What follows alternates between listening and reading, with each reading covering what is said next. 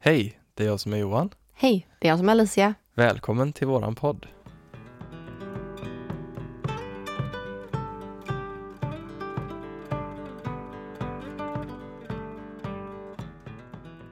Du Alicia, Mm.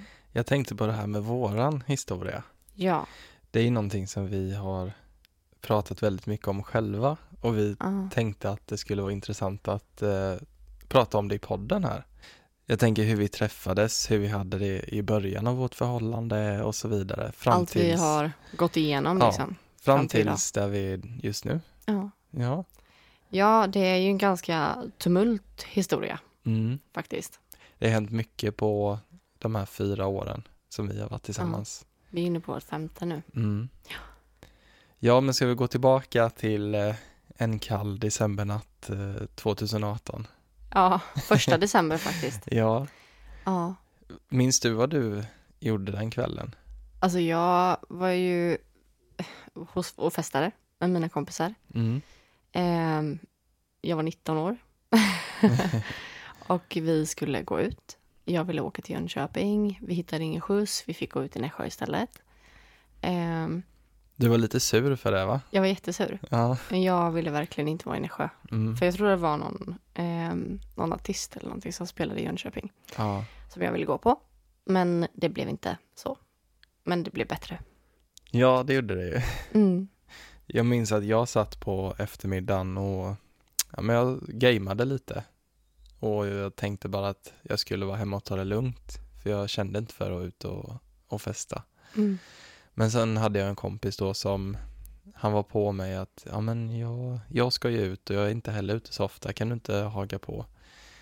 Jo, ja men det kan jag väl göra då. Så, så Mm. jag hak, hakade på festen och sen eh, vet jag att vi satt där på balkongen. Hans eh, fru sa till mig, ja hur går det med tjejerna då? Ja du, det går väl inte så bra. jag hade lite lagt det på is liksom. Du Alicia, Mm. jag tänkte på det här med våran historia. Ja. Det är ju någonting som vi har pratat väldigt mycket om själva och vi Ah. tänkte att det skulle vara intressant att eh, prata om det i podden här. Mm. Eh, jag tänker hur vi träffades. Du Alicia, Mm. jag tänkte på det här med våran historia. Ja. Det är ju någonting som vi har pratat väldigt mycket om själva och vi Ah. tänkte att det skulle vara intressant att eh, prata om det i podden här. Mm. Eh, jag tänker hur vi träffades, hur vi hade det. jag tänker hur vi träffades, hur vi hade det i början av vårt förhållande och så vidare. Fram Allt vi tills, har gått igenom Ja. liksom. fram fram till tills där vi är just nu. Ja. Ja.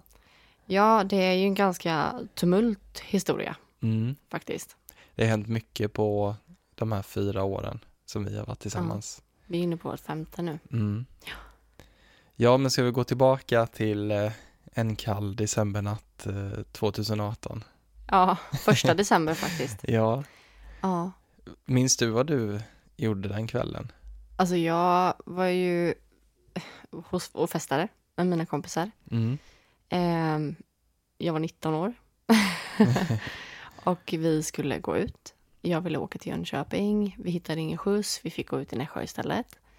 Ehm, Du var lite sur för det va? jag var jättesur. Ja. Men jag ville verkligen inte vara i Nässjö. Mm. För jag tror det var någon, ehm, någon artist eller någonting som spelade i Jönköping. ja. Som jag ville gå på. Men det blev inte så. Men det blev bättre. Ja, det gjorde det ju. Mm. Jag minns att jag satt på eftermiddagen och ja, men jag gameade lite. Och jag tänkte bara att jag skulle vara hemma och ta det lugnt. För jag kände inte för att vara ute och, och festa. Mm. Men sen hade jag en kompis då som han var på mig att ja, men jag, jag ska ju ut och jag är inte heller ute så ofta. Kan du inte haga på? Jo, ja men det kan jag väl göra då. Så, så Mm. jag hak, hakade på festen och sen eh, vet jag att vi satt där på balkongen. Hans eh, fru sa till mig, ja hur går det med tjejerna då? Ja du, det går väl inte så bra. jag hade lite lagt det på is liksom Mm. jag, jag var inne på mitt tredje år på högskolan så jag var ju typ ensam kille i klassen Mm. bland massa tjejer så alla tänkte väl att jag skulle träffa tjejer till höger och vänster. Men du vart eh, friendzone istället? Ja, det blev ju kompisrelationer och så. Ja. Men jag kände väl det att nej men jag, jag klarar mig, jag behöver inget förhållande just nu. Jag, jag trivs med att vara singel. Mm. Då sa hon till mig så här, ja men du ska inte tänka på att vara öppen för att du kan träffa någon ikväll då? Jo, absolut, det kan jag väl vara.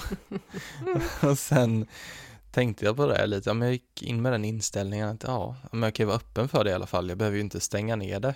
Mm. För du, ha- du hade ju en tendens att bara, nej, nej. Ja, Ibland. jag, precis. Jag hade försökt att träffa någon i så många år utan att det hade liksom klickat. Mm. Så jag hade bara gett upp där och då att nej men blir jag singel resten av livet så är det väl menat. Mm. Ja, men eh, vi stod ju utanför entrén, jag och mina kompisar. Mm.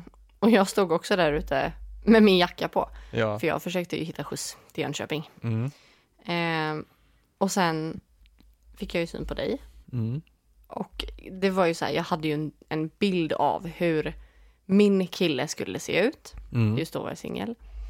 Eh, såklart. Ehm, men då, då hade du ju långt hår. Eh, och uppsatt. uppsatt och skägg. Eh, helt rätt klädstil. Lite rockig, metal, Ja. så. Tuff. Eh, och jag gick fram till dig direkt och sa hej du är snygg. Ja. Det var det första jag sa till dig. Och jag tror det var i samma andetag så tog du en klunk från min eh, ingefärsöl. Ah, Ginger Joe. Ja, och sen så Ja. frågade du om du fick smaka efter att du hade tagit en klunk. Ja. Och där står jag helt paff och bara, ja, du är också snygg. Varsågod. och Ja. sen vet jag inte vad som hände, men vi gick aldrig in. Nej, vi gick Eh, inte in igen. Mina kompisar, de lämnade mig där, för de såg att jag stod och pratade med dig. Mm.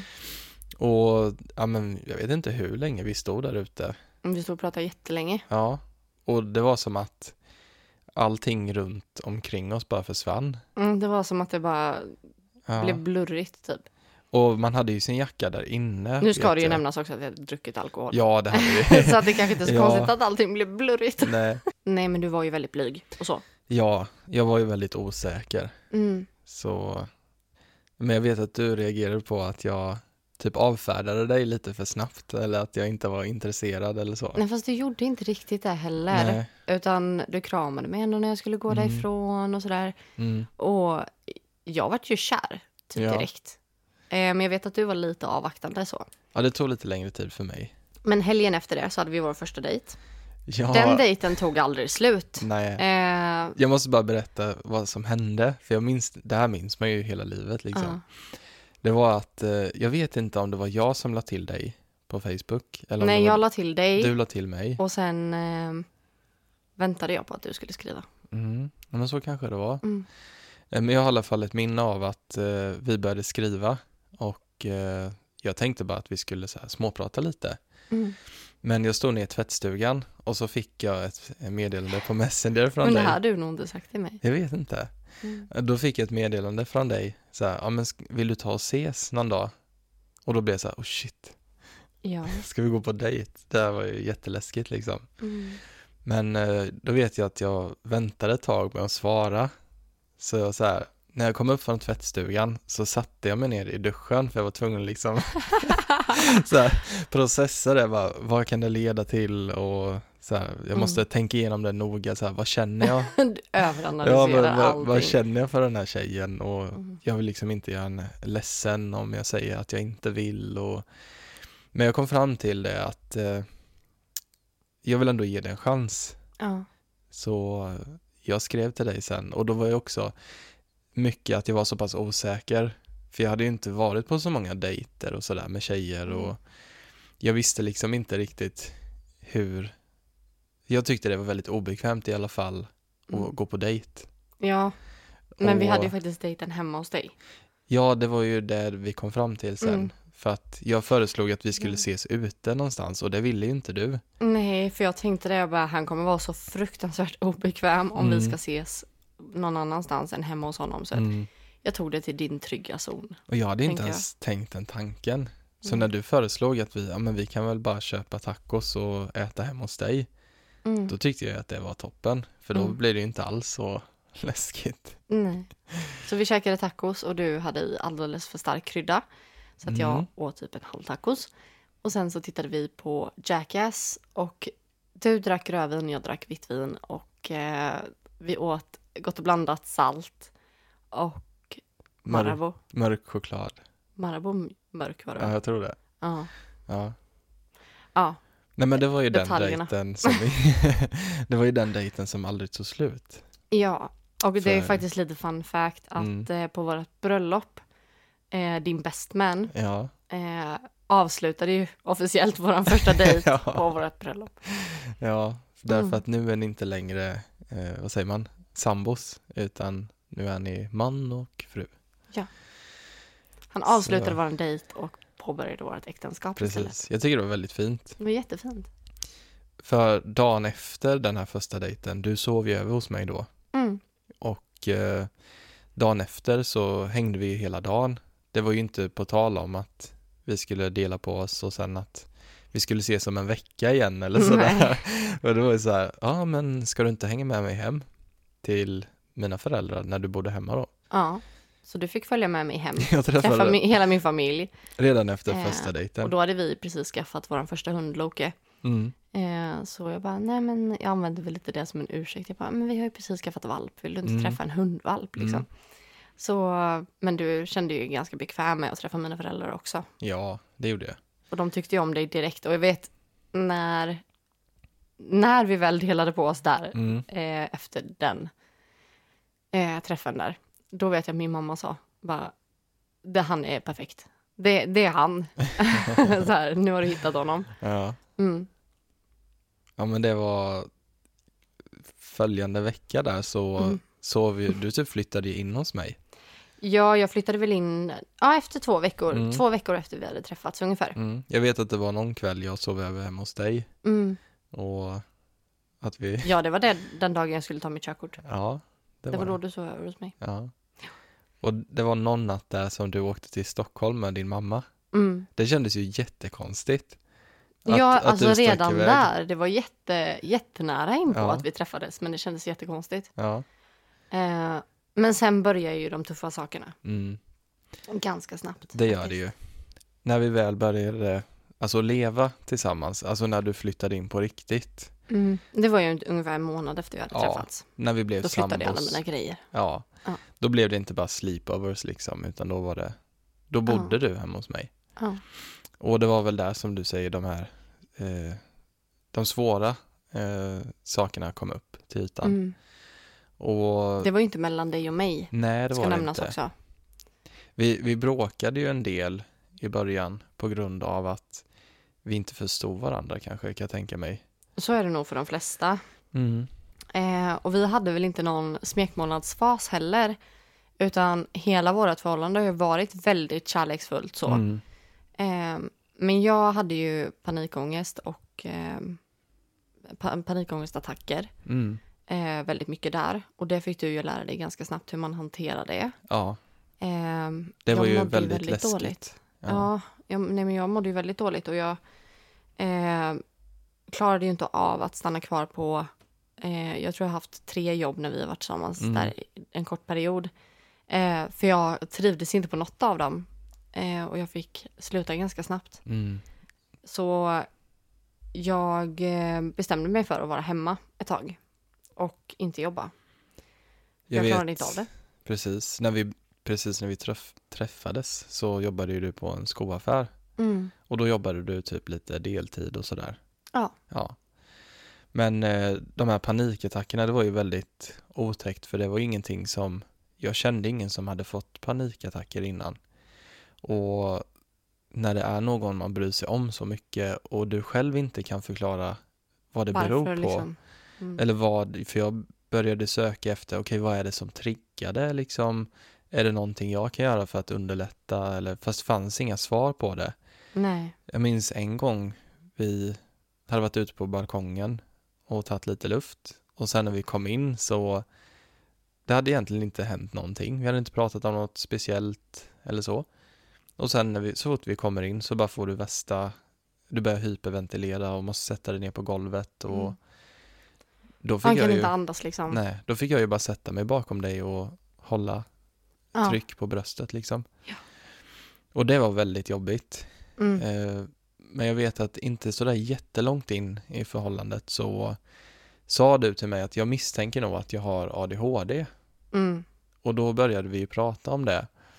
Men det var ju just när jag hade varit hemma någon månad där, eller några månader och läst på mycket. Jag hängde mycket på TikTok typ för att jag var Mm. jätte... Jag var väldigt deprimerad. Mm. Väldigt, väldigt deprimerad. Och efter ett tag där så började jag ju fundera på om jag hade ADHD. Mm. Ehm, för att det kommer upp ganska mycket sånt i mitt flöde. Ja. Ehm, och det, jag bara kunde relatera till allt. Och då tog ju vi upp det. Exakt, och vi började ju titta på, okej vad innebär det att ha ADHD? Mm. Eh, För jag vet att i början så störde jag mig väldigt mycket på att du inte kunde hålla ordning på dina saker typ. Att det låg tvätt på hela lägenheten Ja, och jag kommer ihåg så tydligt att du t- störde dig något ofantligt på att jag la mina byxor på badrumsgolvet. ja.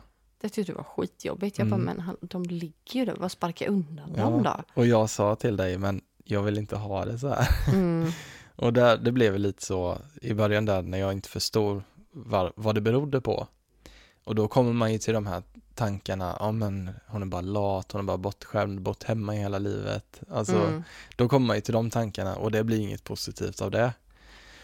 Och sen vet jag en gång, det var också ganska tidigt och då hade jag gått och burit på en frustration tror jag för att det hade varit så stökigt i typ vardagsrummet. Du hade ett massa pyssel och grejer på, på bordet. Och då vet jag att jag sa till dig lite så här på ett skämtsamt sätt att du är så stökig. Mm. Men det liksom tog ju jättehårt på dig. Mm. Och d- jag förstod liksom inte hur det kunde framkalla en sån kraftig reaktion. Mm. Men det är säkert någonting av att du fick höra det hela din uppväxt. Ja. Att du hade så svårt att hålla reda på Mm. dina saker och att... Och jag vet att jag, jag blev jätteledsen Mm, ehm, och vi försökte prata om det men då var jag inte mottaglig för att prata om saker heller. mm, Eh, jag kunde inte riktigt sätta ord på vad jag kände då, nej.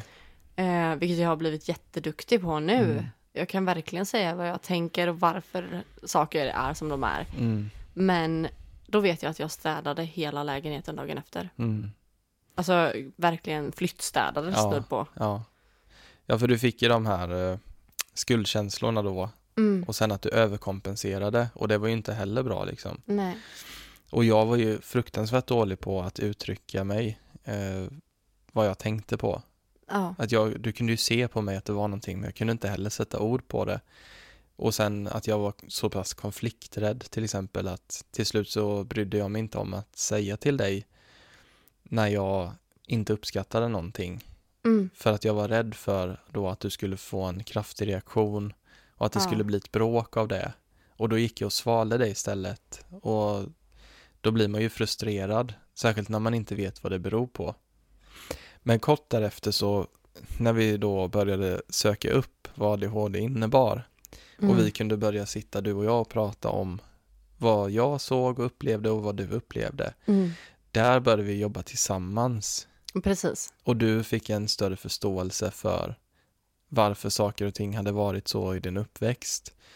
Och det var ju Och- väldigt jobbigt att gå igenom alla Ja. de sakerna och uppleva de sakerna Mm. igen. Och det blev för mycket för mig. Exakt. Eh, och jag kände ju också, eftersom det var så tungt, jag kunde inte vara vaken på dagarna. Jag somnade eh, sent på natten eller s- tidigt på kvällen. Mm. Eh, så det var antingen eller och sen så sov jag fram tills du kom hem från skolan klockan två. Mm. Eh, eller ja, du kom hem typ vid fyra eller någonting och då tror jag att jag gick upp klockan två, klockan tre någon Mm. gång. Ja, du låg och sov extremt mycket. Jättemycket. Eh, och det var ju så tydligt eh, superdeprimerad liksom. Mm. Eh, det blev för mycket för mig att gå igenom alla de här sakerna. Mm. jag kunde inte riktigt hantera det. Och eh, jag, jag tror att det blev, det blev för mycket totalt. Allting tillsammans. Panikångest varje dag. Eh, kunde inte hålla mig vaken. Hade liksom ingenting att, hade inget syfte, hade ingenting att leva för egentligen mer än dig. Precis. Eh, och jag kände bara att allting var så hopplöst och att det aldrig skulle bli bättre. Mm. Jag kände verkligen det var, det blev så överväldigande, det blev alldeles för mycket. Så jag, eh, jag hade ju ingen hjälp heller. Nej, vi fick ju klara oss eh, på egen hand. Jag sökte ju alltså, både ekonomiskt stöd och stöd från vården Mm. och fick egentligen ingenting eftersom att när man är... Jag brukar ju säga att jag, jag gick ut från gymnasiet och rätt in i väggen. Precis. Ehm, Mycket idag bygger på att du ska ha en sjukpenningsgrundande inkomst. precis, Du så måste att du typ, måste ha jobbat i ett år Ja, för att kunna få något form av bidrag eller någon form av hjälp. och annars, Och det är det kunde ju, inte jag. annars är det ju Arbetsförmedlingen då, om man Ja. är arbetslös. Men det fanns ju inte på kartan av att du skulle orka söka jobb och börja jobba Nej. liksom. Det var inte rimligt liksom. Och där ja, får man ingen arbetslöshetsersättning, ingenting från Försäkringskassan, då är man ju helt utelämnad. Mm. Så då blev ju det en stor stress med att det inte fanns några pengar. Jag kände mig som en parasit som levde på alla andra. Ja, Så kände jag mig. För att jag fick pengar av mina föräldrar. Jag fick eh, leva på ditt CSN. mm, Eh, vi fick leva på det tillsammans. Och det var jättetufft. Vi hade inga pengar. nej, Det, vi käkade liksom den billigaste maten. Vi kunde inte göra någonting. Vi fick vara hemma i vår lägenhet och titta på tv. ja, Eh, försöka typ, jag vet att vi köpte något pussel och la det liksom. Det, det var på den nivån. mm, Vi hade inga pengar överhuvudtaget. mm, Eh, så att vi, vi har varit jättefattiga, mm, ärligt talat. verkligen. Och Mm. alltså på botten av måendet. Ja, För jag mådde ju heller inte bra i det. du Att- mådde fruktansvärt dåligt också. Ja, bara det att veta av att hur du mådde det, Mm, alltså hur du mådde och att jag inte kunde göra någonting. Och Mm. att du hade, du var ju suicidal i perioder, att du sa rätt ut att du inte vill leva. Nej, för att det skulle aldrig lösa sig. Nej, Det finns ingen mening med att finnas kvar när ingenting kommer lösa sig. nej, det kommer inte bli bättre, det är nattsvart liksom. Det finns ingen hjälp att få och den där totala hopplösheten. Mm, Medan jag var ju så här, jag vägrade ju inse att det faktiskt var kört. Men att stå stark i det, det var ju också väldigt tufft. mm, När du var så pass bestämd liksom, att du inte ville leva. ja. Eh, Och s- det vet jag, du var väldigt stressad över också när du var tvungen att åka in till skolan och sådär. Att, Mm. Jag vet att du sa det. För bara något år sedan, eller förra året tror jag, så Mm. fick jag veta det att du hade gått och tänkt på undrar om hon lever när jag kommer hem. Mm. Men de tankarna fanns ju liksom, om, vi, om du hade sagt kvällen innan att du inte ville leva. Och sen Mm. att du, vi lyckades reda ut det, att du lovade mig att du skulle försöka liksom. Mm. Men de tankarna fanns ju ändå där. Det är klart. Att du kanske bara sa det för att lugna ner mig eller någonting. Mm. Jag Så- kände ju oftast att det skulle vara bättre för dig också om inte jag Mm. fanns. Precis.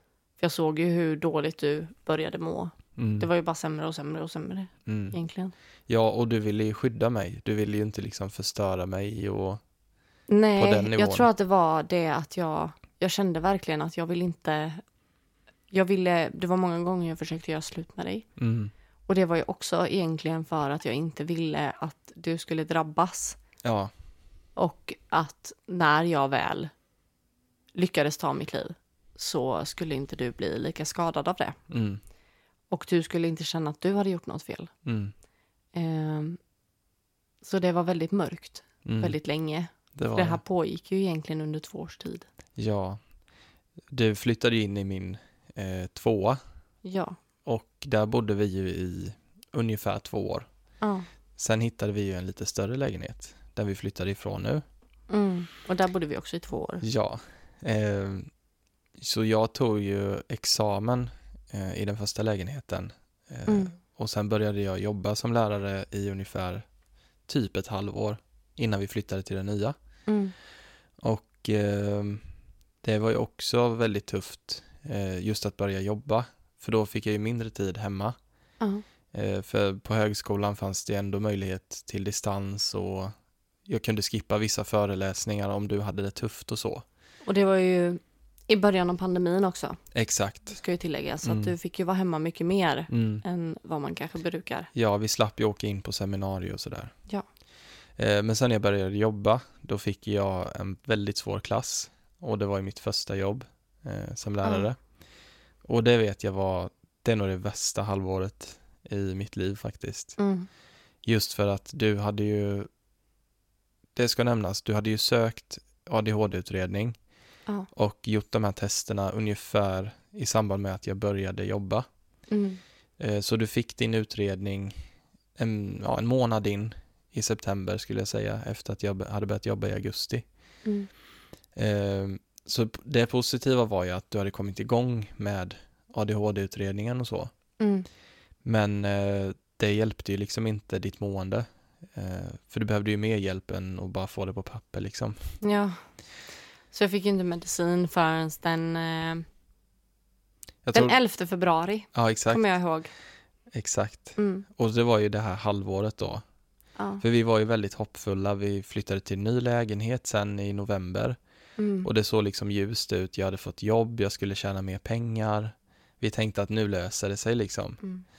Men sen Men- gjorde det ju inte det. Nej, Utan du, den, de första månaderna i lägenheten där var ju fruktansvärda. ja, det var För då det. kände jag ju att hjälpen var så nära men ändå så långt bort och det Mm. hände ingenting. Det, det rörde inte på sig. mm, Det, det hände, alltså det går för långsamt ja, när någon mår så dåligt. Och jag kommer ihåg, ehm, det ska också tilläggas att midsommar året innan ja, vi året flyttade innan. där. Nej, Nej, det var först- samma år. det var samma år Ja. som vi flyttade. Mm, Vad blir det då, 2021? precis. Så Nej, för- 2020. 2020. Mm. Ehm, nej, 2021. Vi träffade, nej, förlåt. 2020 var det, förlåt. Det var ju pandemin där. Ja, precis. Då var det dagen efter midsommar. Och då, den dagen försökte jag ta mitt liv Mm, framför dig. precis. För att jag var så fruktansvärt trött på allting. Och jag förstår att många kanske inte fattar vad det innebär att må så dåligt. Och att det känns orimligt. Alltså, jag, jag har fått höra att det, men det är så dramatiskt och det är så här, nej men det är så, jag vet inte. Många först, tror att det är ett spel för galleriet, liksom. Mm. Men det är det verkligen inte. Nej, Utan då, då har man aldrig upplevt att någon mår så fruktansvärt dåligt. Då har Mm. man aldrig sett någon må dåligt på Mm. riktigt. För att den psykiska ohälsan, det är förödande att Mm. gå igenom det här. Och just det här att för, försöka ta sitt liv, det, det var inte första gången nej. jag försökte ta mitt liv. Men det var första gången när jag var med. När du var med i bilden. Mm. Mm. Och jag tänker den där neo- nedåtgående spiralen. Mm. När man inte får någon typ av hjälp från samhället. Det går inte att komma upp. Nej, och har man ingen familj eller partner som stöttar en, det, Mm. alltså, då ser man ju varför folk mår så pass dåligt att de väljer att avsluta sina liv. Därför att det finns ingen hjälp att få. Nej. Det man får höra det är att man ska söka jobb Ja, i princip. det är det verkligen. Det är Eller, helt eller sjukt. bli akut inlagd på psyket. Och, Och psyk hjälper inte Det- egentligen. De nej. hjälper inte. Det ska ni veta att psyk hjälper inte. mm, De eh, låser in en och så får man vara där. ja, men lite så, de förhindrar en från att ta ens liv liksom. Ja, men de Ja. gör ingenting för att man ska må bättre Mm. egentligen. Man får lugnande medicin och sen är det bra. Mm. Precis. Eh, Det, det är också någonting man behöver vara medveten om. Att det finns faktiskt ingen akuthjälp Mm. egentligen. Mer än att man blir förvarad på ett sätt som gör att man inte kan ta sitt liv. Mm. Eh, Sen ska man ju givetvis Söka hjälp. söka Det är klart alltså att man ska akut, det. om det är så att man känner att man inte vill leva, ja men det är bättre att ringa till psyk då akut än att, än att Jag inte skulle göra säga att det någonting. finns bättre ställen att vända sig till. Ja. Det finns eh, linjer man kan ringa om man är suicidal.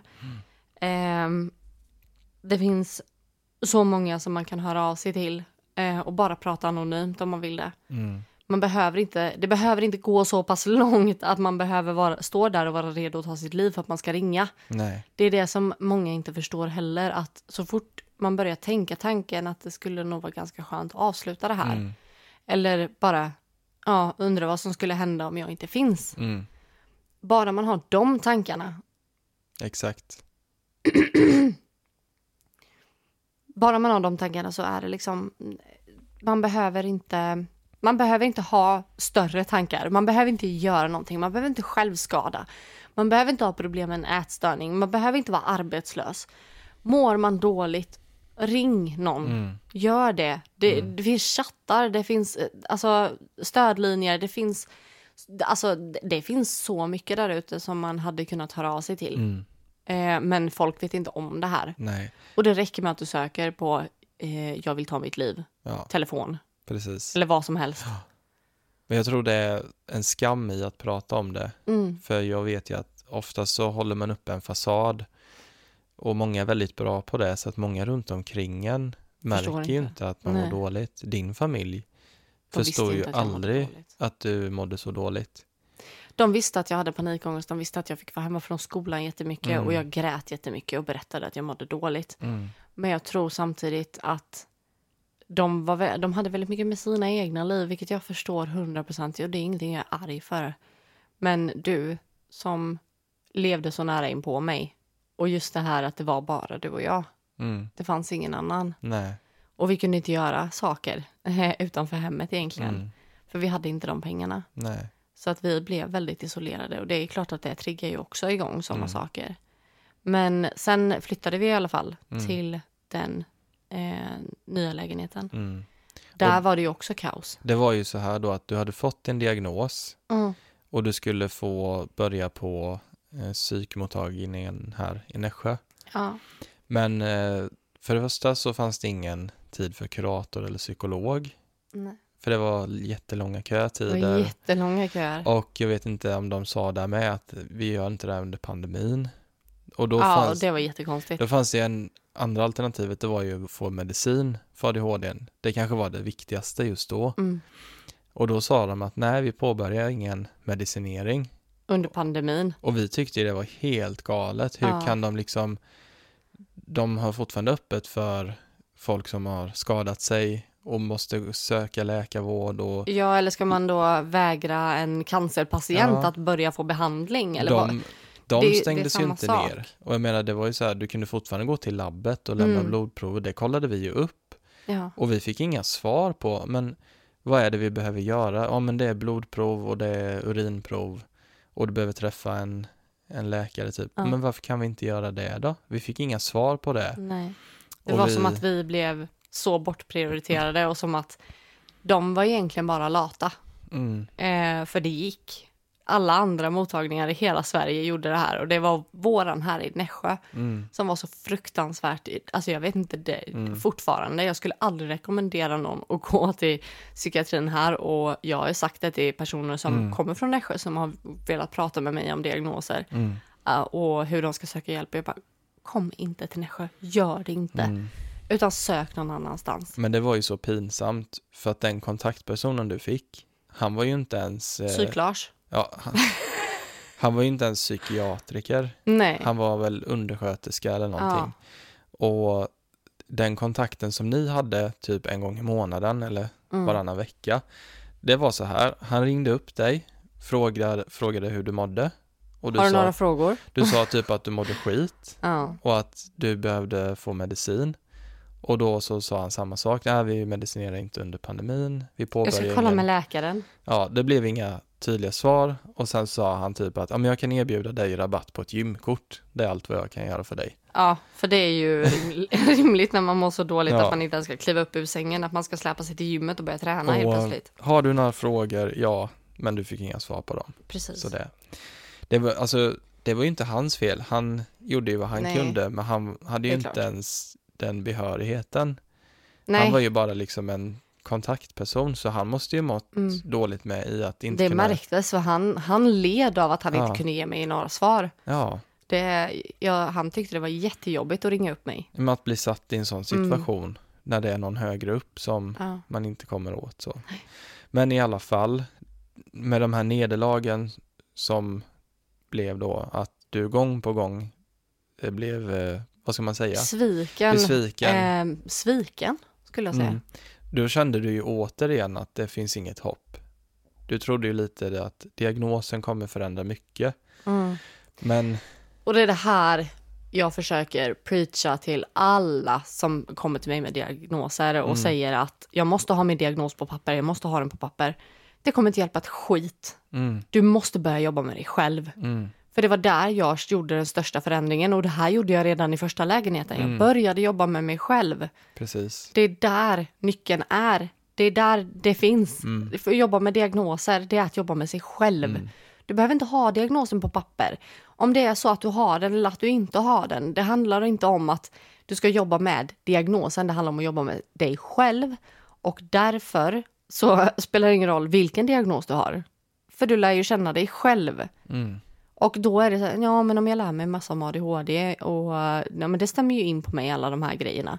Men eh, sen så kommer det fram att jag inte har ADHD. Nej men vad spelar det för roll? Du har ju fortfarande st- känt igen dig i symptomen, du har fortfarande jobbat med symptomen.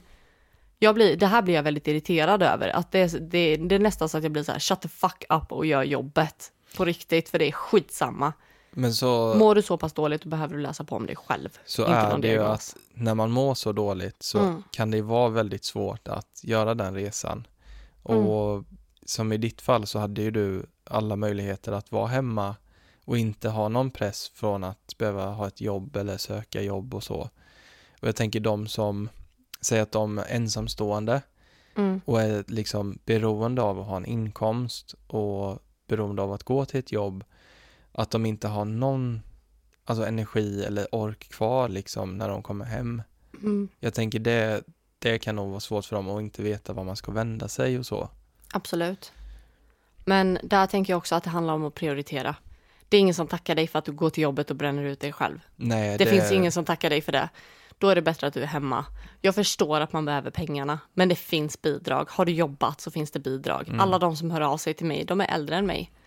Det, jag lovar att de har jobbat i ett år efter gymnasiet. Det har de gjort. Det, det är inga problem. Mm. De kan vara hemma och fortfarande få all- 80 av sin lön. Mm. Eh, man kan söka bidrag om man inte mår bra. Eh, man kanske har svårt att hålla ihop det med bostaden. Man kanske behöver bostadsbidrag. Man kanske behöver olika former av stöd och det finns. Man kan bara söka det. Det är jätteenkelt. Det är bara att gå in och söka. Så att eh, där blir jag också lite så här. Varför använder inte andra? Jag hade inga medel. Jag hade inga som helst medel. Jag var hemma hela dagarna. Det betyder inte att jag var mindre stressad än någon Nej. som går till jobbet och inte mår bra. Nej. För att det har jag också testat och jag kan säga att jag mådde lika dåligt när jag var hemma som jag gjorde på jobbet när jag var där. Givetvis, alltså det, Så att, eh, bara för att du är hemma så mår du ju inte bättre. Nej, Utan, och det här just att energin tar slut. Det är upp till dig att prioritera att din egen energi finns kvar. Mår du inte bra på ditt jobb, sluta jobba. mm, Gå hem. Det finns ingenting som stoppar dig från att gå hem och ta hand om dig själv. Och har du barn? Ja, men vet du vad? Förklara läget för barnen för att de förtjänar att få veta. De förtjänar att få, få veta vad som händer och hur man mår. Mm. Det är bara så. Man behöver kommunicera sitt mående. mm, Och även om man inte förstår varför mår jag dåligt, det går bara att prata om det. mm, Jag, det här blir, jag blir så fruktansvärt frustrerad för att jag har gått igenom den här resan själv. Jag vet hur det är. Jag, jag har varit där nere. Jag har försökt ta mitt eget liv. Jag har varit på botten av allting. Vi har varit på botten. Det är våran historia vi pratar om idag. ja. Vi har varit där nere på botten och du vet också hur fruktansvärt viktigt det är att faktiskt titta inom sig själv. Inte bara förlita sig på en diagnos på ett papper. Men Det självklart. finns inte. Alltså, det är, är ju- ingenting som är fysiskt som går att ta på. Nej.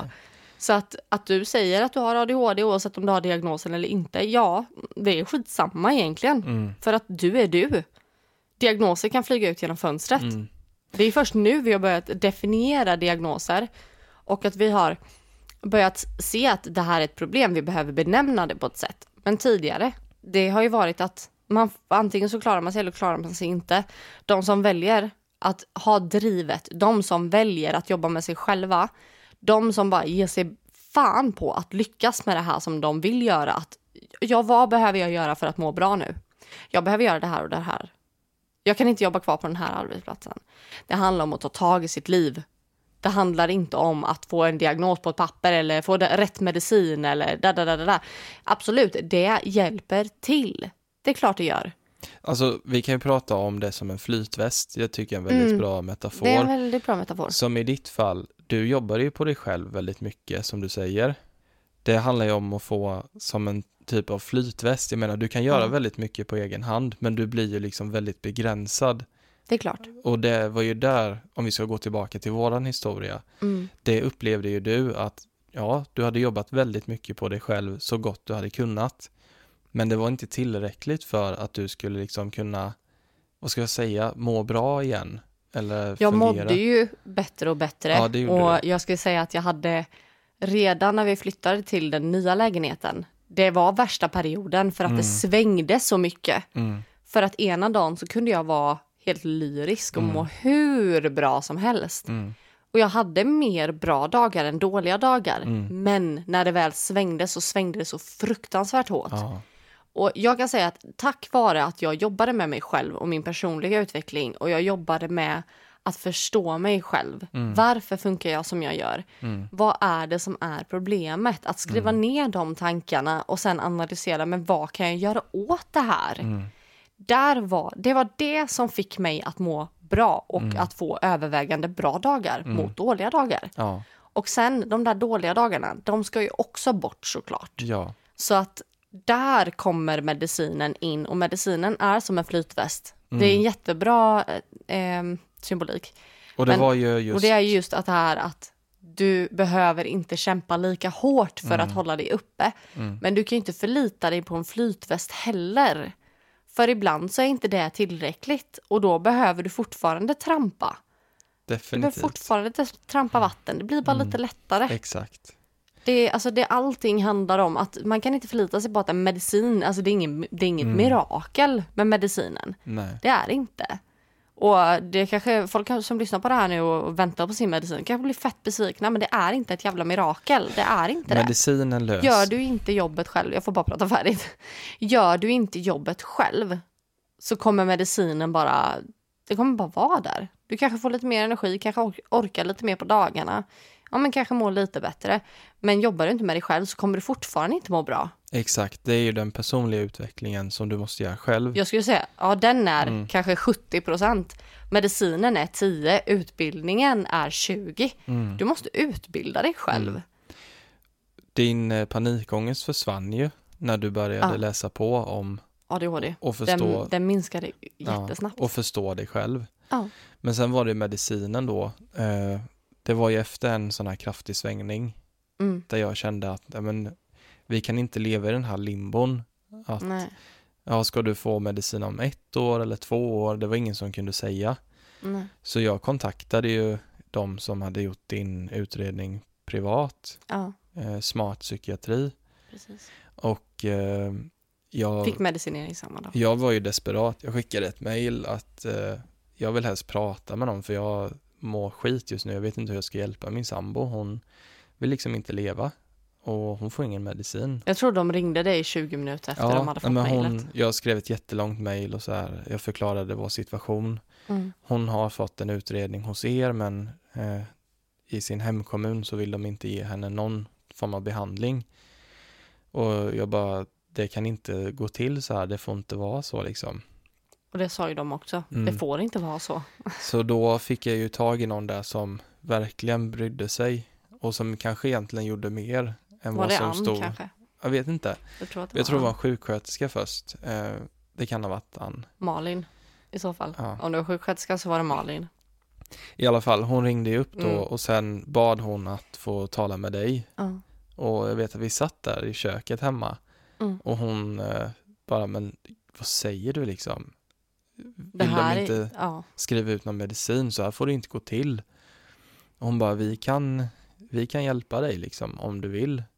Eh, Det kostar. det kostar men vi bara, jaha, ja självklart kan ni göra det så Är det värt alla pengar i får ju världen? kosta vad det kostar Ja. liksom. Så en vecka senare så kunde du typ, eller om det vet inte hur lång Det var tid samma det var. kväll tror jag Vi- receptet låg så hämtade vi Mm. ut det dagen efter. Och där eh, så hände det ju någonting när du Mm. började få din medicin. Det, man såg ju vilken skillnad det gjorde snabbt. Ja. Eh, Det gjorde det verkligen. Men det var ju liksom inte, det ska vi ju säga att medicinen botar ju inte ADHD. Det är ju Det inte går syftet. inte att bota. Det går Eh, att eh, dämpa lite. Mm, Det är exakt. det. Så det, var- det gjorde ju stor skillnad som sagt att du fick din medicin där Mm. och det var ju då du kunde ännu mer liksom sätta den här bollen i rullning. Exakt. Ja, Ja. Men sen så tänker jag, för det, det som kom med medicinen var ju inte bara positivt. nej, Eh, och det är någonting som man också behöver tänka på att det finns fruktansvärt mycket biverkningar av de här medicinerna. Det är amfetamin, det är inte normalt och mm, eh, det är ingenting vi har i kroppen eh, naturligt. nej, så man eh, oftast skulle jag säga behöver man testa ett par innan man hittar rätt. Det Det är behöver man. väldigt sällan man prickar rätt på första. Absolut. Och så var det ju för dig och det visste vi ju när vi hade läst på i förväg att Mm, den första de testar, det är inte alltid det. det är inte alltid rätt. Mm. Eh, men den första jag testade, eh, där... För det första så triggade den min ätstörning något. f- Och det grövsta. Mm. Eh, och det här kan vara jättetriggande så jag skulle säga hoppa över några sekunder om du eh, har ätstörning eller om du eh, blir eh, känslig eh, när det kommer till mat och ätande och vikt. Hoppa över kanske någon minut bara. Eh, så börjar jag prata om det nu, så hoppa nu. Men jag gick ju ner extremt mycket i vikt extremt snabbt. Det som hände var att jag började, i och med att eh, amfetamin ehm, är hungerförtryckande så känner man inte av att man är hungrig överhuvudtaget. Jag hade en ätstörning i botten och har haft sedan jag var 12 år gammal, om inte ännu längre tillbaka. Jag kommer ihåg, i alla fall när jag var 12 år. Tidigare än det så minns jag ingenting. Jag slutade äta. I princip helt och hållet. Mm. Jag åt jordgubbar på dagen med lite grekisk yoghurt.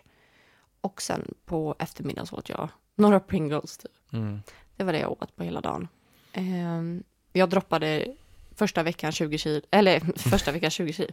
Första veckan eh, fem och ett halvt kilo. Andra veckan så var jag nere på eh, 12 kilo minus.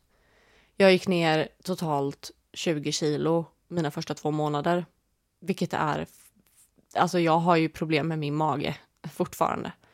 Jag kan ju inte äta viss mat. Jag kan inte... Ehm, jag måste ha nära till toalett om det skulle vara så att jag råkar äta fel mat. Ehm, IBS. Ehm, jättekänslig för... Jag kan inte äta pasta längre. Jag kan inte äta eh, gluten överlag. Går inte. Laktos går inte. Eh, jag kan inte äta stark mat. Jag kan inte äta mat med för mycket socker. Eh, man förstör sin mage. När man har en ätstörning, det, man förstör eh, både tarmfloran och, och själva magsäcken. Blir, det blir fel. Mm. Eh, och jag, jag kunde inte få ner mat. Mm. Eh, och jag fick inte behålla den heller. Nej. Det var jättesvårt det här när vi skulle liksom planera mat tillsammans. Eh, det kändes jättekonstigt att jag skulle stå och laga mat till mig själv Mm. och att du inte åt, för du tänkte ju inte ens på mat. Nej. Och då följde ansvaret på mig att eh, okej, nu måste jag se till att du äter. ja. Och sen var det så här, det fanns ingenting typ som du ville äta. Nej. Och jag vet jag köpte så här barnyoghurt till dig bara i ren desperation bara för att se om det var någonting som funkade. Aha. Ja, det gick ju. Så här Danonino, Danonino. barnyoghurt. den i nöden. Ja, och sen var det de här jordgubbarna och eh, grekisk yoghurt och liksom ja, ja, men Mm. ät det. Det är väl bättre än ingenting tänkte jag. Ja. Så eh, som sambo och partner så är det ju väldigt svårt med att veta hur man ska stötta i en sån situation. Det är jättesvårt. För att man kan ju inte bara liksom, jaha, ja, du vill inte äta, men skit i det då så äter jag mitt. Alltså man Mm. tänker ju inte så. Det blir ju att jag tänker ju om hela mitt liv liksom. Jag f- fick ju väldigt mycket ångest av liksom när jag var i affären så här. Ja, jag kan inte köpa det och jag kan inte köpa det. Jag tänkte ju inte på vad jag ville ha längre, Mm. utan jag tänkte bara på vad som funkade för dig. Mm. Och så är det ju fortfarande ibland att det är vissa saker som du inte kan äta och då måste jag begränsa mig själv till det. Mm. Jag, jag ser ju mig själv som frisk från ätstörningen. Mm. Däremot så är jag selektiv i mitt ätande. ja, vissa saker klarar jag inte att äta på grund av textur eller Mm. eh, känslan i kroppen efter jag har ätit vissa saker. Det, det är också en del av diagnoserna. Ja. Eh, för jag fick ju som sagt min ADHD-medicin där. Började gå upp, eller gå upp, gå ner i vikt eh, väldigt snabbt. Ehm, vilket var jätte, alltså jätteskönt, tyckte jag. Eh, och nej, det tyckte inte jag. Ätstörningen tyckte det. Mm. Eh, ätstörningen tyckte att det var skönt. Ehm, men jag hade ju också gått upp. Eh, så jag vägde ju lika mycket som du gjorde. Jag vet att jag var uppe på 92 och vände. ja, alltså man kan säga så här att du gick ner till den vikten du hade när vi träffades. Ja, Ja, och lite Så var till. det. Men eh, ja, så det var ju när du mådde som sämst så gick du ju upp och sen när du fick din medicin så gick du ner de kilorna mm. som du hade lagt och det på ska dig. ju också tilläggas att de här, eh, den här medicinen, det var ju det som supermodellerna på 90-talet använde för att gå ner i vikt Mm, och hålla sig där. mm, Eh, för att inte äta och det är därifrån anorexia-kulturen kommer liksom. mm. Så att eh, det ska man också veta. Att det är jävligt farligt att ta de här medicinerna och speciellt om man har... Man ska vara jättetydlig med att man har en ätstörning i botten om man eh, ja, ska få medicin för ADHD. Mm, Då ska man berätta det jättesnabbt. mm. Men sen började du få hallucinationer. det Ja, var av den väl- medicinen. Det var väl först då som ja. vi sökte, alltså kontaktade dem Mm. eh, och bara, ja, ska det vara så här? Och de bara, eh, nu tar du ingen mer medicin överhuvudtaget. Eh, släpp det helt och hållet. Mm, Du ska inte ta ett enda, en enda tablett. Du ska kasta ut dem genom fönstret typ. mm, Eh, och där någonstans så började vi ju, eller så förstod vi ju att jag var bipolär.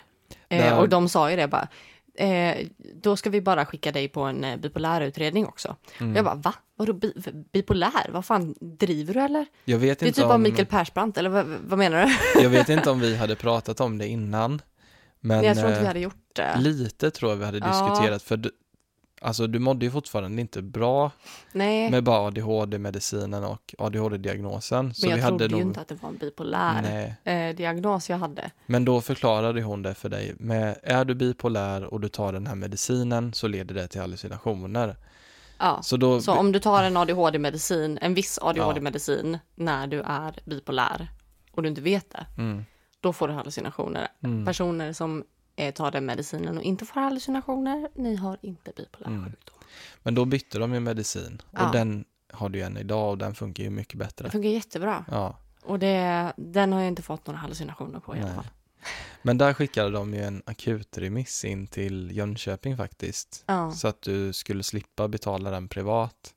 för den kostar ju typ 30 000 att göra privat. Mm. Så att det hade vi ju inte råd med. Men där gick det ju ganska snabbt för Där du, gick det jättesnabbt. eftersom det var så pass allvarligt med hallucinationerna och det. Mm. Så där fick du ju komma in till och det dröjde ju inte jättelänge innan du fick din bipolärdiagnos. Nej, Och och, detta då var- var... det ju den eh, psykologen jag träffade först sa ju att det var typ två. Mm. Sen när jag kom till läkaren och hon hade läst igenom alla eh, anteckningarna, hon bara, jag förstår inte hur han har kunnat sä- säga att du har typ två. Du har Mm. solklar typ ett. Mm. Ehm, bara det att du har maniska perioder som är längre än en vecka Ja, gör att du har typ ett. Och Mm. mina är ju f- typ i en månad till Mm. två månader. Alltså det skiljer jättemycket, men det är, ja, i alla fall. de är väldigt långa. Ja. Och sen fick ju du medicinering också för bipolariteten. Mm. Humörstabiliserande är det väl? Ja, Så de här kraftas, kraftiga svängningarna eh, som du led av, ska vi säga. Alltså just att du kraschade jättehårt, du var jättehögt uppe. ja. Jag kraschar inte längre. Nej, Det är så det ganska har du ju skönt. också Jag blivit, landar ja, istället du har blivit och blir hjälpt. lite trött. ja, du blivit hjälpt av det. Jag har blivit jättehjälpt av det. Och i Eh, Jönköping är Men de där ju- är det också handla om att förstå sig själv. Absolut. Och att identifiera sin cykel. Mm. Och att inse vikten av att ha fasta rutiner som att du går och lägger dig varje tid, eh, eller varje, samma tid varje dag. Mm. Du vaknar samma tid varje dag. Du har en viss ordning där du gör saker, en viss... Eh, eh, ja, ett visst schema för dig själv. Eh, och att du håller det schemat. Mm. Det kan vara jättesvårt. Men eh, det är fan mig bara bita ihop och göra det för att gör du inte det tyvärr, det, du skjuter dig själv i foten. Det handlar om att sätta larm, det handlar om att skita i om det gör ont att gå emot det, sin, att gå emot ens egen vilja egentligen. Mm. För vad är det du vill i det långa loppet? Det är att må bra. Exakt. Du måste hålla Håll fokuset. Du måste va- vara fokuserad på målet. Målet är att må bra. Är jag villig att göra precis vad fan som helst för att må bra? Ja, det är jag. Mm. Då tar du tag i dig själv och pressar dig själv till att göra saker. Mm. Det, det är inte kul att gå upp klockan sex varje morgon i början. Det är inte det. Men f- som för dig så var det ju att innan så hade du ingenting som tog dig upp på morgonen. Nej, nej, nej. Men när du fick din medicin, då var det ju viktigt att man tog den samma tid varje dag. Och sen så, För sen det där det är ju en hjälp i och för sig. Ja, För när man tar den så kan man ju inte sova mer det än var det en timme, jag typ. skulle komma till. Du kan ju inte ta den vid sex på morgonen en dag och sen vid, sova till två en annan dag. För då, Nej. det går ju inte riktigt. Det va- ska vara inom en timme. Ja, Ska det ju vara. och där tror jag att det eh, var startskottet på rutinerna för dig. Att när du, jag tror du började med att ställa larmet på fem på morgonen och ta den då. Och Och sen då räkna, brukade jag gå upp vid halv sju, sju. du räknade ut att för effekten att kicka in så var det en till två timmar. Mm. Och när den effekten hade kickat in så var det fysiskt omöjligt att somna. Precis. Så det var ju väldigt smart att sätta Mm. larmet så pass tidigt, eh, en till två timmar innan man vill gå upp. Mm. Eh, så att man inte tar den när man vaknar liksom, för då, För då tar det ju ju två timmar att vakna till. Ja, och den rutinen har ju suttit i varje dag ända sedan du fick medicinen. Helg, vardag, Ja, oavsett. Jag går alltid upp tror du samma missat någon dag liksom. tid. Någon dag. Men det Ska du är... berätta om det? Vad som hände den dagen när det blev kaos, när jag åkte till jobbet. Åh herregud. Och du, det var ring, katastrof. du ringde till mig och liksom, du Grät. grät, och du, du måste komma hem och jag, vad, vad är det liksom? Hur, hur- jag fattade ingenting. Det var kaos. hur kunde, hur kunde du må så här dåligt nu liksom? Ja. Så jag fick ju bara säga till mina kollegor, alltså jag måste tyvärr åka hem. Alicia mår jättedåligt, hon kommer inte upp ur sängen, hunden måste gå ut liksom. Så jag kom hem till dig och du låg liksom typ helt nedbäddad och visste inte Lipade. vad det var och lipade. Nej men alltså jag hade ju, det hade gått sönder saker, jag Mm. hade fumlat, tappat grejer, slagit mig, jag vet att jag blödde Mm. på benet. Eh, alltså jag fattade inte vad det var som hade gått fel förrän jag tittade i dosetten. Då hade du tagit en vitamintablett istället. Ja. Jag hade tagit eh, ett kosttillskott istället för min ADHD-medicin. Ja. Det var inget kul. Jag bara, Mm. Den kändes lite så här, lite för stor när jag, Jag tror tog det den i var- morse. Jag tror det var efter det som vi började med att jag fick ställa larmet och ge dig medicinen Mm. i sömnen. Ja, Och då, det funkade ju. det funkar ju. Men det var ganska kul en gång när du vaknade med tabletten i gommen. Jag hade inte lyckats svälja tabletten Du utan hade- jag, Johan hade bara sa- lagt in den i munnen Du på somnade mig. innan du hade svalt den Ja. liksom. Så att du- den satt fastklistrad. Jag bara, fan är det jag har i gommen? Ja, det var ja, lite det kul. var jättejobbigt. Men ehm, nej, jag, jag Rutiner. tycker ändå att rutinerna är det viktigaste. Och det började faktiskt med att jag började bädda sängen. Så det är därför jag håller på att säga det hela Mm. tiden. Ni som har lyssnat på podden vet att jag har sagt det innan. Börja med att bädda sängen. Ja, För att det är så bra. Både att du känner att okej, jag har klarat någonting för idag. Och du kan inte gå och lägga dig igen. mm, exakt. Det Du är har ju skitbra. sminkrutin med. Då Ja. vill man ju inte gå och lägga sig heller. Nej. Och sen snygga, Gör det i ordning för då vill du inte heller gå och lägga dig nej, och fucka snygga upp allting. kläder liksom. Snygga men sköna kläder för då känner man sig pigg. Mm. Jättebra tips. Alltså det är sådana där jättebra saker och typ som det första jag gör på morgonen det är att gå upp, borsta tänderna och tvätta ansiktet. Det är det första, med kallvatten. Mm. Det är det första jag gör för då piggnar man till lite. Sen går man in och bäddar sängen och fixar i ordning sig. Mm. Sen är man färdig. Ja, Då är det bara upp och kämpa lite, göra lite kul saker och jobba lite och nej. Det Mm. är skönt att kunna ha den eh, rutinen och kunna göra samma saker varje dag.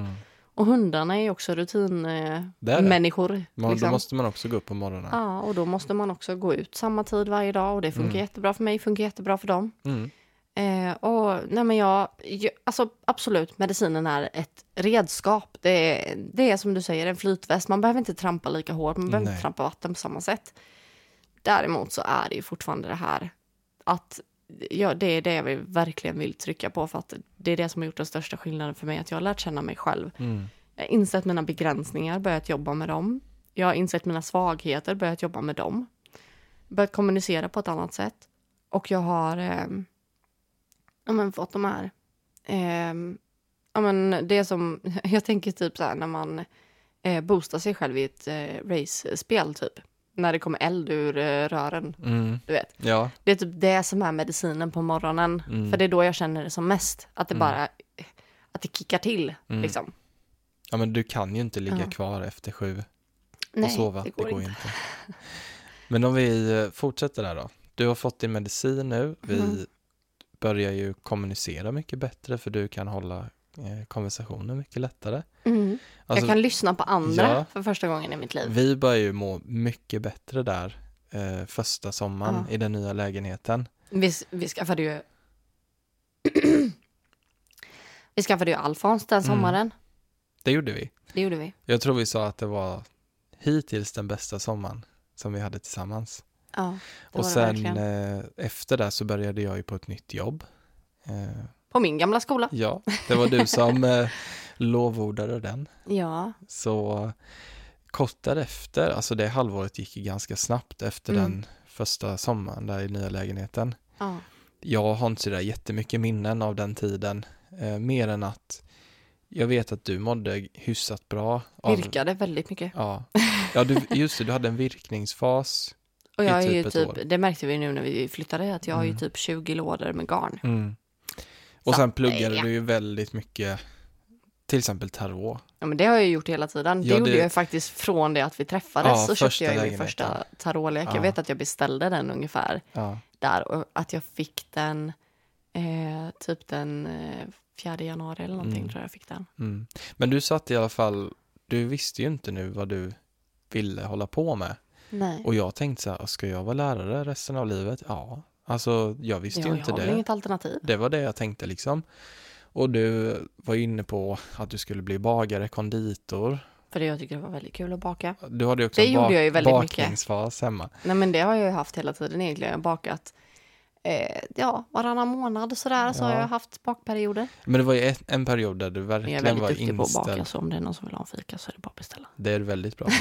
Nej, Men du var ju verkligen inställd på att du ville bli bagare liksom. Mm, nej men det var jag väldigt Men inställd på. det, du insåg väl där att det skulle inte funka. Nej. Och eh, sen hade du ju faktiskt en bra kontaktperson som hjälpte dig och ge dig lite förslag på utbildningar och sådär. Ja. Men det mynnade ju inte riktigt ut i någonting för du kände ju inte att, Nej, jag hittade inte någonting som kändes meningsfullt för Nej. mig. Och det är ju där någonstans jag satt och scrollade i våran soffa. Jag kommer ihåg det här för att Mm. Mhm. jag sitter aldrig i soffan. Alltså det händer inte, jag sitter alltid i sovrummet. Mm. Men då satt jag i soffan och scrollade. Eh, och sen helt plötsligt så vet jag inte hur, men jag kommer in på tvillingsjälar.se och hittar mediumutbildningen. mm, Och jag bara, någonting klickade hos mig. mm. Och jag bara, det är ju det här jag ska göra. Det är ju det här jag ska göra. för vi hade ju kollat på spökjakt och så, så vi visste ju vem Andreas var. Vi tyckte om han väldigt mycket från det programmet. Ja, jag hade ju sett honom på Det Okända innan Ja. och följt det väldigt länge. Min, Mm. Mina föräldrar har ju tittat på det sen jag var jätteliten. Det finns ju typ 71 säsonger. Mm, Så att, men jag kom också ihåg Andreas för jag tyckte han var väldigt duktig. mm, Eh, och därför blev jag så här, ja, gud vad kul att bli utbildad av någon som, har, som man känner igen liksom. Mm. För jag- alla pratade om medium, jag hade ingen aning om vem eh, Britt-Marie är. Jag har ingen aning. Jag har ingen aning. nej. Eh, men Andreas visste jag vem det var. Jag tyckte att han var, han var ung och Mm. fräsch. Och det är ändå... Det kändes bra att gå till någon som är eh, närmare våran ålder, Exakt. tyckte jag. Mm. Ehm, Eh, all ära till alla äldre Ja, medium också. Ni är fantastiska. Men jag kände att det kändes tryggare att gå till någon som skulle fatta vad jag, vem jag var. Mm, Eh, och kunna relatera mer till mig. mm, Eh, och som kanske hade lite mer lugn, eh, alltså lugnare metoder kanske. Jag tänker, eh, jag har hört många som är stenhårda med sina metoder. Mm. Jag vet att Terry Evans är stenhård. mm, du ska göra det på det här sättet eller så gör du det inte alls. Ja. Eh, så, och jag var rädd för att hitta en sån lärare. Mm. Men eh, Andreas var absolut inte så, så det var bra. Och där, jag vill bara lägga till det, du ville ju gå den här utbildningen. Ja. Och det kostade ju ganska mycket pengar. Och jag jag vi hade ju inga pengar Vi som sagt. hade inte vi hade inga jättebra pengar. med pengar, även att jag nu jobbade heltid så hade ju boendekostnaden och allting ökat. Så Mm. det blev inte jättemycket kvar att leva på ändå Nej. med ensam inkomst så. Mm. Men eh, jag var ju så här, självklart ska du gå den här utbildningen. Alltså det, för jag vet att din familj kanske inte riktigt stöttade dig i det. De fattade ju inte vad det var. De tänkte inte att det skulle kunna leda till ett jobb liksom. Tji fick dem. Ja, men då vet jag att, nej för du, jag minns det så väl, du var jätteuppgiven för du hade haft något samtal där, du hade inte fått eh, gehör för att du ville gå Nej. den här utbildningen. Jag blev jätteledsen för det kändes Ja. verkligen så. Jag bara, men det är ju det här jag ska göra. Hur kan de Ja. inte se det? Hur Och kan jag- de inte se det? Jag kände ju bara, men det här tror jag inte är bara någonting som du har hittat på i stunden. infall, Ett liksom. infall. Nej. Så jag kände ju verkligen med dig där. Så jag Vi bara, hade ju, det ska också nämnas, den där första gången du var hemma hos mina föräldrar mm, så satte ju vi oss i, min, mina föräldrar har jacuzzi.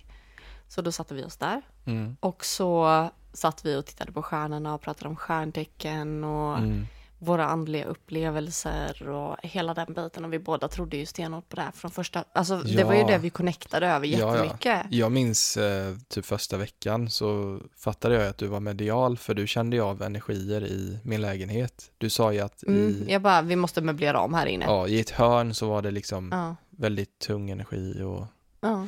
men där, jag tvivlade ju aldrig på att du var medial liksom. Nej, Eh, så där kände jag ju bara, du börjar må bra, du har inte riktigt hittat vad du vill jobba med, nu har du äntligen hittat det. Mm. Så jag bara, men vet du vad älskling? Jag skiter i vad det kostar, vi eh, har ju möjlighet att delbetala räntefritt. och det är därför vi är så tydliga med Ja. att vi, vi har delbetalning på våra kurser. Ja, För att man, det, det har ju förändrat vårt liv. det kan vi ju säga för att jag skickade ju ett mejl till Jenny där jag frågade, alltså kan man delbetala det här? Eh, Ja. annars kommer vi tyvärr inte kunna gå. Eh, För du vill ju få med mig också. Och Ja. då blir det så, okej, då blir det det dubbla, då blir det extra dyrt, så här, 14 000 eller någonting. Ja. Mm. Men eh, jag bara, men det är klart, vi, vi gör det här, vi satsar liksom. Mm. Jag tänkte ju inte vad det skulle kunna öppna upp för dörrar. Jag tänkte att, okej, man blir utbildat medium och sen, hur går det till? Är det färdigt där liksom? Ja, är det färdigt? Men det blir ju startskottet på där vi sitter nu egentligen. Här liksom. Vi hade inte suttit här och poddat, vi hade inte kanske ha- haft det här huset. Alltså, Jag hade inte haft ett AB.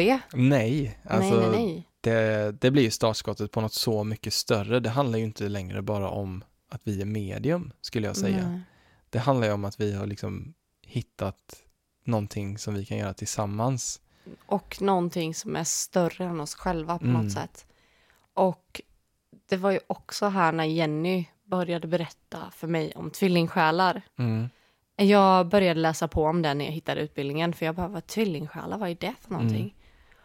Och då står det, jag kommer ihåg det här så tydligt, det var typ en mening bara, "N- man måste gå igenom jättemånga tuffa situationer innan man kan vara tillsammans. mm, Och jag försökte, och den, det stod också att den ena jagar, den andra flyr. mm.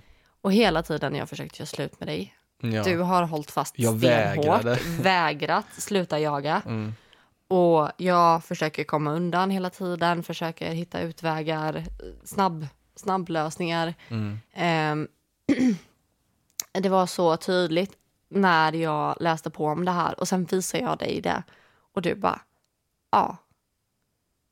Det finns ju ingenting, det finns ju ingen tvekan. nej, Och det har, vi har ju känt det bandet ända sedan vi träffades, annars hade Mm. vi inte träffats på det sättet vi gjorde. nej. Och där någonstans så insåg ju vi att det är ju det här. Det är ju det här vi är.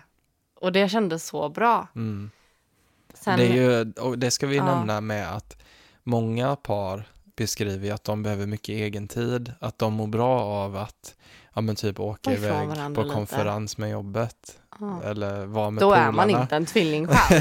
Men vi vill helst vara med varandra dygnet runt. hela, vi, är vi, inte, vi blir inte trötta på varandra. vi får ju energi av att vara tillsammans. Ja. Vi, vi blir ju inte så här att vi tröttna på varandra. Nej. Jag menar när jag hade semester i sju veckor så inom satt ihop. citationstecken Ja. så satt vi ihop, vi gick på varandra som folk kan säga. Men vi mådde inte dåligt av det. Nej. Vi blir stärkta av det. Och därför Mm. så föddes ju den här idén av att vi vill ju verkligen göra någonting. Vi vill ihop. kunna jobba Vi vill ihop kunna så att vi jobba ihop. kan vara tillsammans varje dag, hela Ja. dagarna.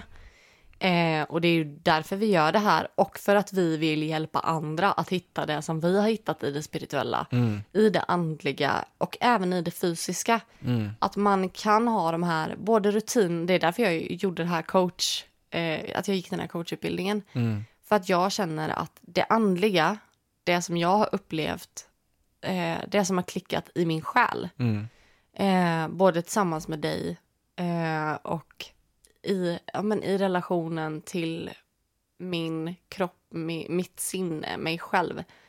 Eh, I kombination med det fysiska, att hitta mina rutiner, att lära känna mig själv i den här kroppen. För man måste dela på min kropp och våran själ. Eh, eftersom att vi är tvillingsjälar, vi delar själ. Eh, och det är ofta sådär. Eh, vi är ju t- totalt olika, bara, bara på tal om delad själ. mm. Vi har ju verkligen fått eh, motsatserna. Ja, och det, Det är pratade vi om jätteintressant. för Mm. bara lite sedan, att det vore ju konstigt om våra själar var identiska. För då Mm. lär man ju sig inte lika mycket Nej, av varandra. nej vi är ju raka motsatsen. Mm, Men det är just det där att man ska klara av det fysiska här i, på jorden medan man har vissa andliga upplevelser som ska upplevas. mm, Eh, precis. så att det, det är väl det, Mm, känner jag. Och det känns bra. det gör det. Eh, och det är därför jag vill kunna hjälpa andra att hitta, Mm. hitta det som vi har gjort. Mm, och hitta det som jag har gjort. För det har varit jätteskönt för mig med mina diagnoser. Mm. Att, och det var ju också så skönt när jag kom dit att eh, till mediumutbildningen att jag frågade Andreas eh, kommer mina diagnoser vara ett problem? För jag var livrädd för det. Han bara, nej, jag har nog också diagnoser så att det är inga problem. mm, Och han var ju under utredning då också. mm. Så att det var jätteintressant och jag tycker det var, det var en sån trygghet. Ja, Och sen har jag insett att väldigt många medium har ju ADHD. Och vissa är också bipolära. och det är ju i många fall en fördel. Mm. För man har inte de där spärrarna eller filtrerna. Nej.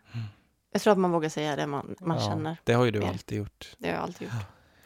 Men i alla fall, vi blev diplomerade medium eh, nu i augusti. Mm. Och eh, vi stannade ju inte av.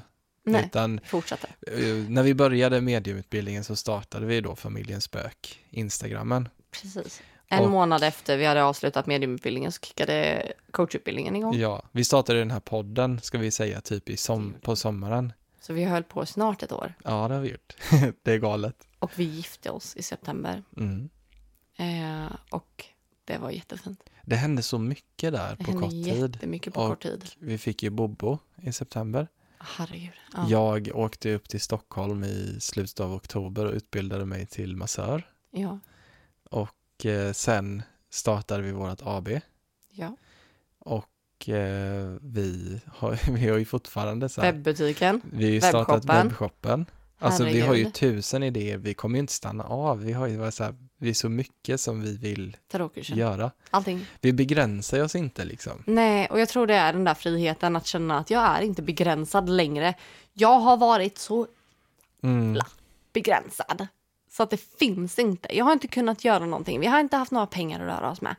Vi har inte kunnat göra någonting. Vi har fått si- sitta i våran soffa och titta på den där äckliga tvn. ja, På riktigt, det har varit det vi har kunnat göra. ja, Och det var, s- vi var så pass begränsade att nu när vi väl slår oss fria, när vi väl gjorde det, då fanns det inget stopp på det. Mm. Och vi kommer inte tillåta att vi hamnar någonstans där i närheten igen. nej, Det handlar om vad man, vad man väljer, mm, för att du väljer din verklighet. verkligen. Mm. Och det är bara att bita ihop och göra det bästa och kämpa på för att någon gång så släpper det. Ja, och jag är så glad att vi sitter här där vi sitter. Mm. Att ingen av oss gav upp.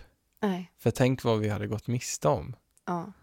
Nej, Alltså det är helt galet att ens tänka så. då är man glad att man ändå härdade ut och att du Ja. pushade på mig. För jag vet en tanke slog mig. Eh, ska jag liksom ta den här chansen och lämna det här förhållandet? Mm. För du gav mig den chansen. Ja. Och jag bara kände efter. fanns inte en en tanke eller en känsla i min kropp av att jag ville lämna dig där och då. Mm. Utan jag kände bara, det går inte. Nej. Det, det, är- det är obeskrivligt, men jag kan inte lämna dig. Även om jag liksom, Det här är ett skitdåligt förhållande just nu. ja men jag mådde Vi båda mår skit. Vi, jag kanske då, eh, logiskt sett så kanske man hade tänkt, det k- bästa kanske är att jag faktiskt lämnar för att jag Mm. mår dåligt i det här förhållandet. Men jag kunde inte ens tänka så. Nej. Jag vet att vi har ju pratat om, vi har försökt ha teoretiska diskussioner här hemma om hur det skulle vara om vi skulle så här dela på oss. Ja. Och vi kan Vi typ, bara, nej, vi hade nog fortsatt bo ihop. men vi kan inte Ja, ens, nej, vi hade nog alltså, varit bästa vänner. Ja. vi kan inte ens Det tänka går de inte. Mm. tankarna. Nej, det, Det är går helt inte. galet liksom. Helt ologiskt. Men ja, kärleken den är fin. Mm. Fantastisk. Det här blir ju lite som att blicka tillbaka, tänker jag. Ja. men där vi faktiskt får möjlighet att dela med oss av våran historia och att vi tycker ju det, det är ingenting som vi skäms över för det är Nej. det som har skapat de personerna som vi är just nu. Vi hade inte suttit här idag om vi inte hade gått igenom det där Nej.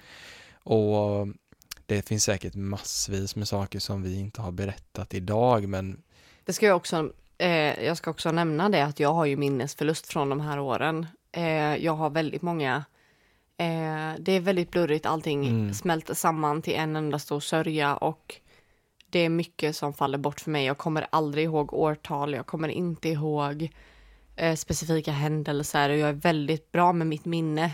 Jag eh, har näst, snudd på fotografiskt Ja. minne, jag kommer alltid ihåg saker. jag vill bara säga det Men det är jag jättedålig på n- just den perioden. Och det är som om vi tänker på, det har ingenting med dig att göra. Nej. För under pandemin så säger ju alla, när man blev så pass isolerad, Mm. det räckte ju med att man inte fick gå ut lika ofta och träffa vänner. Ja. Då försvann ju det året. Så Tid och rum många, försvinner ju. många har ju hoppat över 2020 i sina huvuden. Typ Och sen- som ett år som inte fanns. Och sen lägger man till på det att vara dunderdeprimerad och att hjärnan inte funkar som den ska. Exakt. Det är just det som händer när man För- är deprimerad, för den dör nästan. Du gick ju igenom pandemin redan innan den hade hänt. Ja, Alltså i den bemärkelsen att du var isolerad. ja. Och att du inte hade någon kontakt alls med omvärlden typ. Jag hade det, jag hade min underbara Ja. bästa vän Kiki. Det var ju liksom, eh, vad ska jag säga, inte ett under, men det var ju väldigt sällan som jag fick med dig ut och att vi typ gick och tog en fika. Alltså, Men Det hände inte. vi åkte iväg någon gång och tog en glass. Alltså, det var en höjdpunkt. Det var ju det. Mm. Jag kommer ihåg att vi åkte till macken och köpte varsin glass Mm. och sen så åkte vi upp till ett ställe där det finns en eh, vandringsled. Mm. Och så satte vi oss där uppe. Mm. Och så Men det bara var ju inga satt vi. långa stunder, utan det, Det var var en kvart. t- en kvart, sen ville du Ja. hem igen. Men man fick göra det man kunde liksom. Mm. Mm. Men nu kan jag vara ute en hel dag. Ja. Om jag vill, om jag inte har mycket jobb. Mm. Alltså det är så sjukt att jag jobbar så mycket nu och jag tycker att det bara är kul, jag som inte kunde vara på jobbet en halvtimme. ja, men det är ju helt... Alltså jag, det Galet. finns hopp och är man, lyssnar man på det här avsnittet och så känner man, bara, "Men gud det är så orättvist att hon har fått göra den resan, att hon mår så bra nu och jag mår fortfarande skit. Det är värt att härda ut. Mm. Jag, eh, jag vill bara peppa Och är du en och det är part- därför jag är coach idag. Ja, och är du som jag en partner till någon som mår fruktansvärt dåligt och du liksom du, har- du älskar din partner väldigt mycket men du, känner, du tänker tanken att det kanske är lättare att bara liksom sticka. Mm. Gör inte det förrän du verkligen har testat allting. Förrän du har gått igenom Mm. eld och vatten för att det som du kan få ut av det är så pass, det är obeskrivligt. Mm. Det är också det här med diagnospersoner, Mm. om det är det som är problemet här. Mm. Att du får, ger du oss 10 så kommer vi att ge dig 100 tillbaka. Mm. Jag tror en sak som fick mig att fortsätta det var eh, jag fick ju vissa glimpsar av den riktiga Alicia.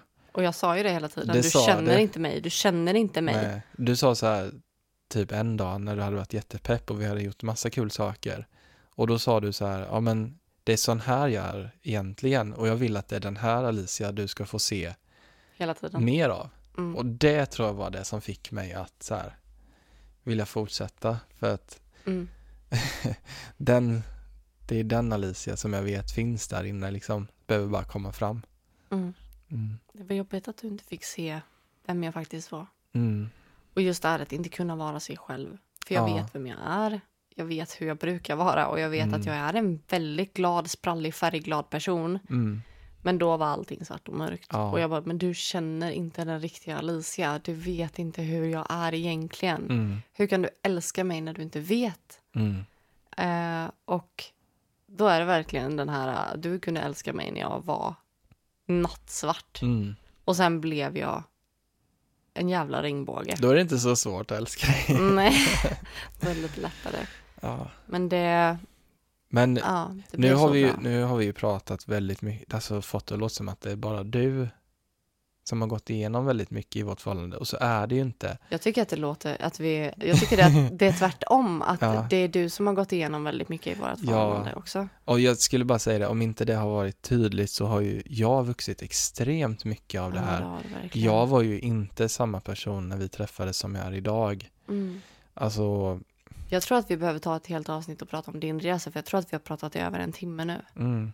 ja, men vi får nog Eh. ta avrunda här. Vi får nog faktiskt göra det. Men vi har ju sagt länge att vi vill göra det här avsnittet för vi pratade ju om detta för lite sen bara, ja men du och jag gjorde en recap på, Och Elin. ja, vi gjorde en Ja. recap på vårt förhållande och vi bara, men Ja. det här vill ju vi dela med oss av i podden. Ehm, för det är ju väldigt privat men samtidigt så är det ju, Men det är samtidigt någonting som vi är väldigt stolta över att vi har Mm. tagit oss igenom. Och psykisk ohälsa ska inte vara någonting som är skämmigt att prata om. det är därför vi Mm. gör det för att dels inspirera andra och att om det är någon som har det svårt att veta att det finns en ljusare framtid. Mm. Nej, så är det verkligen. Mm. Och jag tror att vill man så kan man. Mm, Har man någon så har man någon. mm, Och det är jätteviktigt. mm. Och jag är bara så jävla tacksam att jag inte är, att min själ inte är i en kropp. För då hade jag inte pallat det. Nej. Då hade jag inte hittat dig när jag hittade dig och varit så jävla på och framfru, framfusig som jag var Mm, så tror inte jag att eh, jag hade klarat mig. nej. Utan dig så hade jag inte funnits idag. Det vet Nej. jag. Och jag tror att jag kanske hade levt, men jag hade nog inte varit Lycklig. lycklig eller den personen jag är idag. Mm, Så det blev en win-win för oss båda. det blev det verkligen. Mm, Nej, och det, inga själsrelationer är på något sätt bättre än någon Nej. annan. Många gånger önskar jag att jag inte var en tvillingsjäl för att det är det vi har gått igenom är fruktansvärt. det önskar man inte på någon annan. Nej, det, det är hemskt och många, alla tvillingsjälar behöver gå igenom något sånt här. Jag skulle säga, behöver man inte gå igenom det, då, då är det inte det det är. Nej. Och jag kan säga att var glad om det inte är det det är Mm. också. Det är den finaste kärleken jag har upplevt någonsin. Mm. Men samtidigt så det är fruktansvärt tungt. Mm. Eh, och man känner sig aldrig hel. Jag tror det är därför Ja. vi ska vara så mycket tillsammans. Nej, vi behöver runda av nu, herregud. Ja, jag vill bara säga det att vi har ju verkligen fått uppleva den här att man säger att genom det, hå, alltså det tuffa, det hårda så växer Mm. man sig starkare. What doesn't kill you makes you stronger. Ja, är det bara liksom glida på en räkmacka då lär man sig inte så mycket. Nej. Man växer inte så mycket som person. Nej. Så jag är väldigt tacksam att vi kanske äntligen får en liten, vad ska man säga, andepaus i livet här nu där vi faktiskt, Att vi får njuta där lite. vi får skörda lite, att vi mår Men bra. där är det också så här, man får ta sig den tiden och nj- njuta. Mm. Det är bara vi själva som bestämmer. Mm. För det är vårt liv och vi skapar vår verklighet. Ja, Det är du som skapar ditt liv. precis.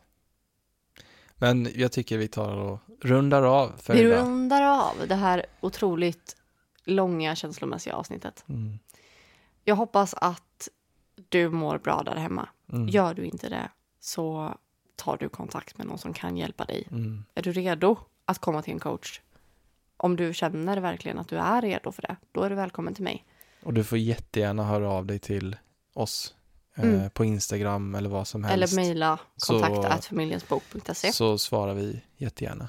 Det gör vi. Mm. Ha det jättefint. Ha det fint. Hejdå. Hej då.